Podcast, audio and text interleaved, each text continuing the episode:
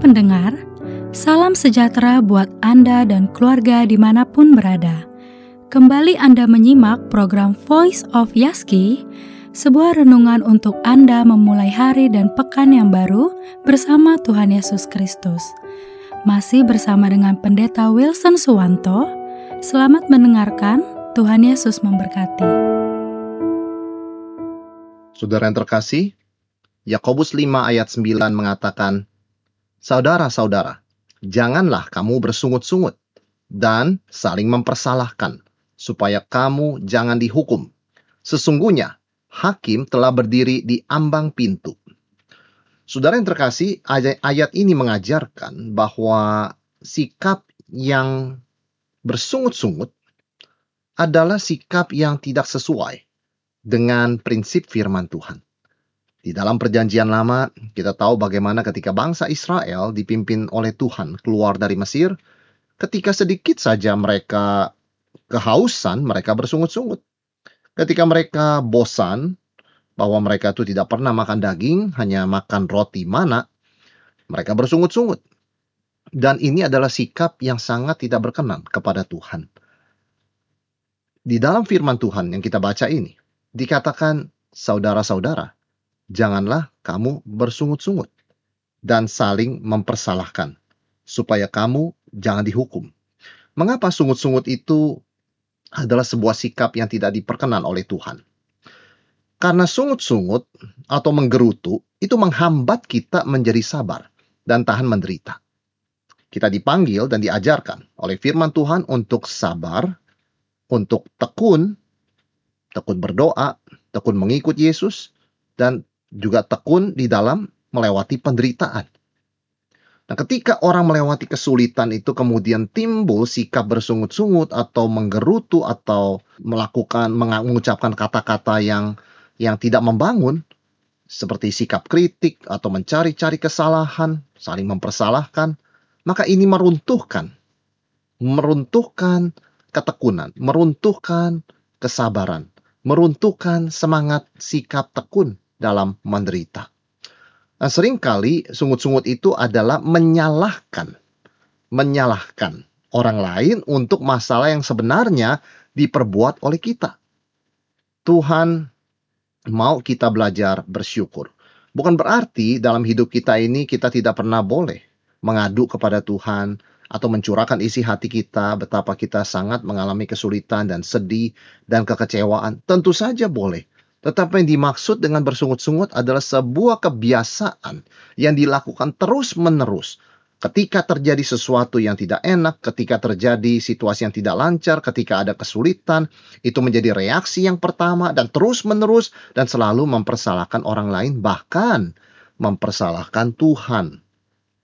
Sehingga tidak pernah ada satu sikap yang seharusnya, yaitu memeriksa diri, berubah, bertobat.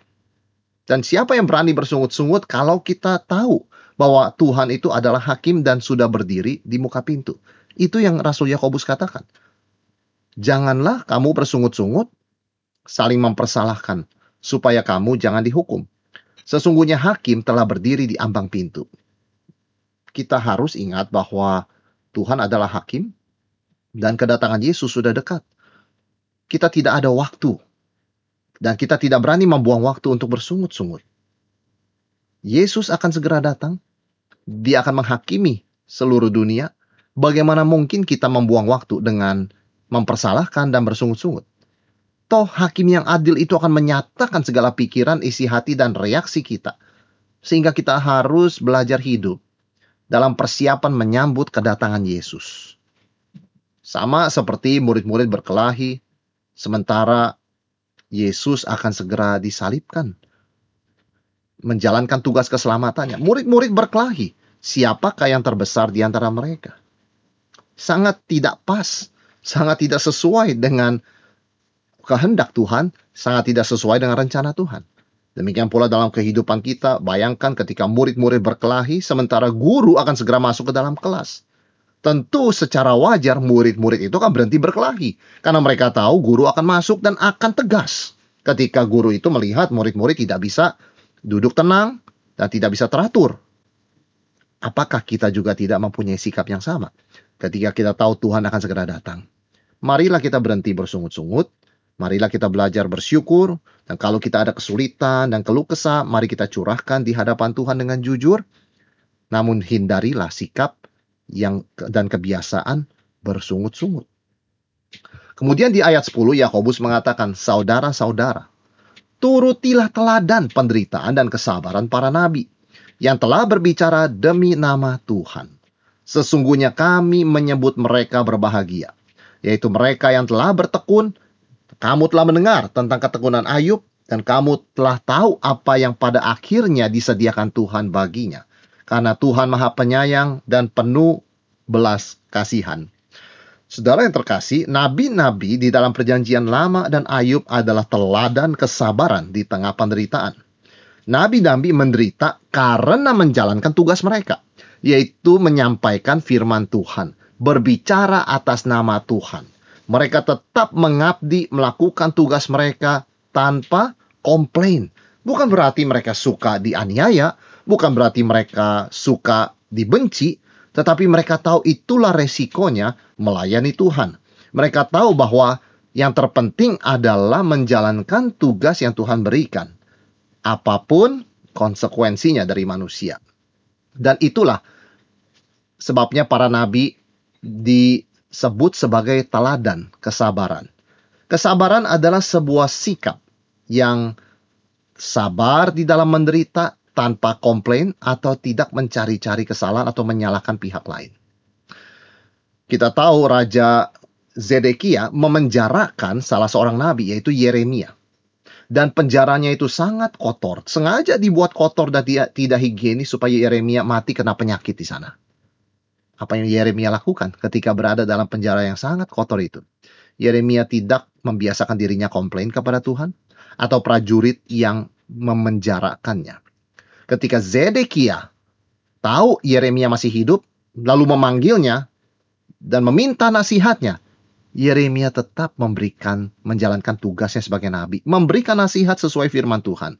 Yeremia berkata dalam Yeremia 38 ayat 20, "Taat pada Tuhan dan lakukan apa yang baik yang kukatakan kepadamu, maka hidupmu akan selamat dan baik." Yeremia tidak jatuh di dalam kepahitan, Bukan berarti dia tidak marah diperlakukan demikian, tapi dia tahu itu adalah bagian resiko dari menjadi seorang nabi yang berbicara atas nama Tuhan, yang menyampaikan kebenaran. Dan ketika raja yang menjebloskan dan ingin membunuh dia di penjara meminta nasihat firman Tuhan, Yeremia tetap menjalankan tugasnya. Yeremia berbicara di dalam nama Tuhan dan menunjukkan ketaatan sekalipun dia dibuat sangat-sangat menderita. Dan ini salah satu contoh dari para nabi, yaitu Yeremia. Kita bisa belajar dari Yeremia. Demikian juga dengan Ayub.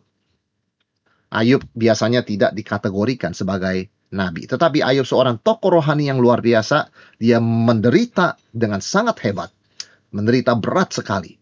Namun apa yang kita lihat di tengah penderitaan Ayub, dia sabar. Dan firman Tuhan mengatakan orang seperti Ayub itu berbahagia. Teman-teman Ayub mengatakan kamu sangat sengsara, kamu sangat merana, kamu kehilangan ini dan itu. Dan Ayub sendiri merasakan kesedihan, dia juga bergumul dengan kehilangan yang begitu syok, membawa syok, kehilangan yang mendadak berturut-turut. Tetapi ketika Ayub tetap berpegang kepada Tuhan, bertanya, bergumul dengan Tuhan, dan dia tidak pernah meninggalkan Tuhan di tengah kesulitannya. Pada akhirnya firman Tuhan mengatakan Ayub itu berbahagia. Tuhan yang menguji Ayub melalui api membawanya kepada belas kasihan dan kemurahan. Ayub semakin mengerti dan mengalami anugerah, penyertaan, dan berkat Tuhan. Bahkan dia semakin berubah, diubahkan, semakin serupa dengan kehendak Tuhan, dengan rencana Tuhan. Kemudian Yakobus melanjutkan di ayat 12, tetapi yang terutama saudara-saudara, janganlah kamu bersumpah demi sorga maupun demi bumi atau demi sesuatu yang lain jika ya, hendaklah kamu katakan ya. Jika tidak, hendaklah kamu katakan tidak. Supaya kamu jangan kena hukuman. Di sini kita diajarkan supaya mulut kita jangan jangan komplain, jangan bersungut-sungut. Tapi bukan hanya itu, tetapi dari mulut kita ini harus keluar kata-kata yang benar. Dan jangan menyalahgunakan nama Tuhan. Jangan menyalahgunakan nama Tuhan. Kita hidup di dalam budaya mungkin yang sangat mudah sekali mengatakan kalimat terkejut atau kalimat sumpah yang melibatkan nama Tuhan. Tetapi firman Tuhan mengingatkan kita jangan menggunakan nama Tuhan tanpa rasa hormat. Bayangkan kebiasaan orang pada umumnya di film-film atau mungkin juga kita sering mendengar itu di dalam kehidupan kita dan lingkungan kita. Ketika orang terkejut, mereka mengatakan, "Oh Tuhanku," atau "Oh di dalam bahasa Inggris, oh my God." Ini bukanlah satu sikap hormat ya di dalam menyebutkan nama Tuhan. Dan sekali lagi perintah ketiga dari sepuluh hukum Taurat mengatakan jangan menyebut nama Tuhan Allahmu dengan sia-sia. Karena Tuhan memandang bersalah orang yang menyebut namanya dengan sia-sia. Dan Yakobus juga mengatakan hal yang sama.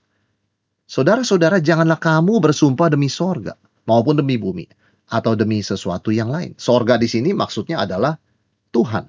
Itu sebabnya di tengah kesulitan kita, kita diajarkan jangan bersungut-sungut, jangan mempersalahkan Tuhan, jangan mempersalahkan sesama. Demikian pula, jangan sampai di tengah sungut-sungut kita lepas kontrol di dalam kita berkata-kata.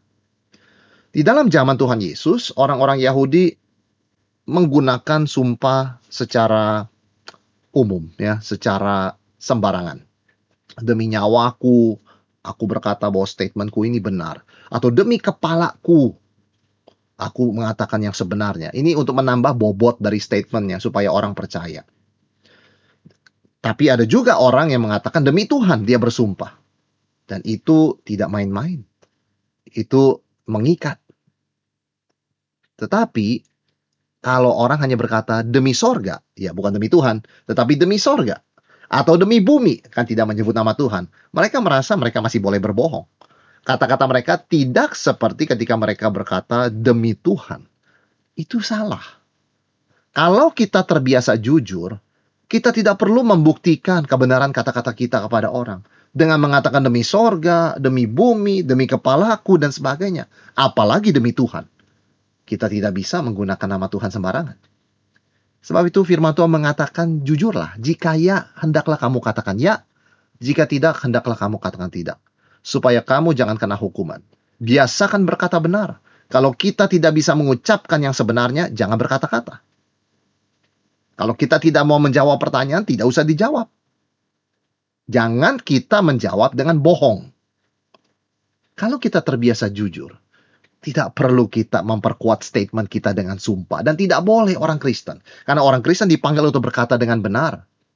Dan ketika mereka tidak bisa mengatakan yang benar, mereka tidak jangan berkata-kata.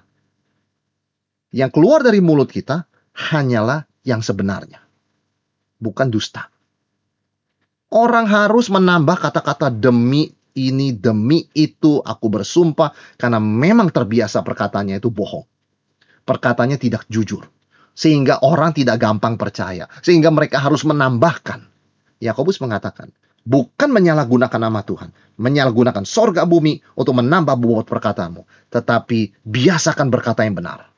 Ya adalah ya, tidak adalah tidak. Karena Tuhan menilai kata-kata kita. Setiap perkataan yang diucapkan oleh kita, Tuhan menilai, Tuhan adalah hakim. Dan kita mau supaya kita berkenan sesuai dengan firman Tuhan, sesuai dengan hukum Tuhan, sesuai dengan perintah Tuhan ketika kita berkata-kata. Ini prinsip yang kita harus pelajari, kita harus biasakan, kita lakukan dalam hidup kita sebagai orang Kristen berkata yang benar.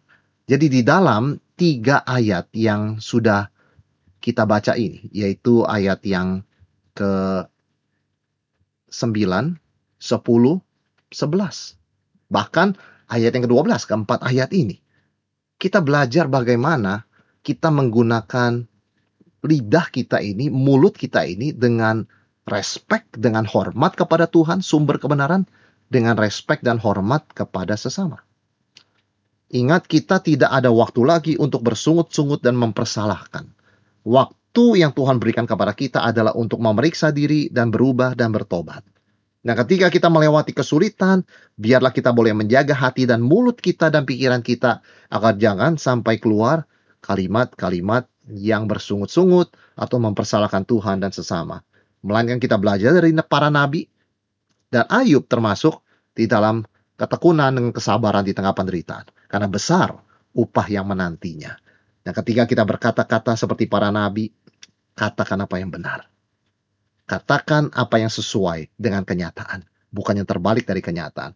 Karena Tuhan memanggil kita untuk berkata yang benar. Dan ketika kita ditebus, yang ditebus bukan hanya pikiran hati kita, termasuk seluruh anggota tubuh kita dikuduskan, termasuk lidah kita untuk mengucapkan apa yang benar dan memuliakan nama Tuhan dan membangun sesama kita senantiasa.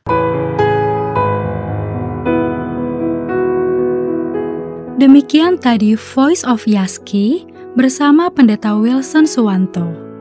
Anda bisa kembali mendengarkan episode kali ini melalui Spotify Voice of Yaski atau Anda juga dapat mendengarkan, membagikan, bahkan mengunduh episode-episode Voice of Yaski lainnya melalui podcast Yaski di podcast.yaski.co.id. Terima kasih sudah mendengarkan. Salam sehat selalu, dan Tuhan Yesus memelihara Anda dan keluarga.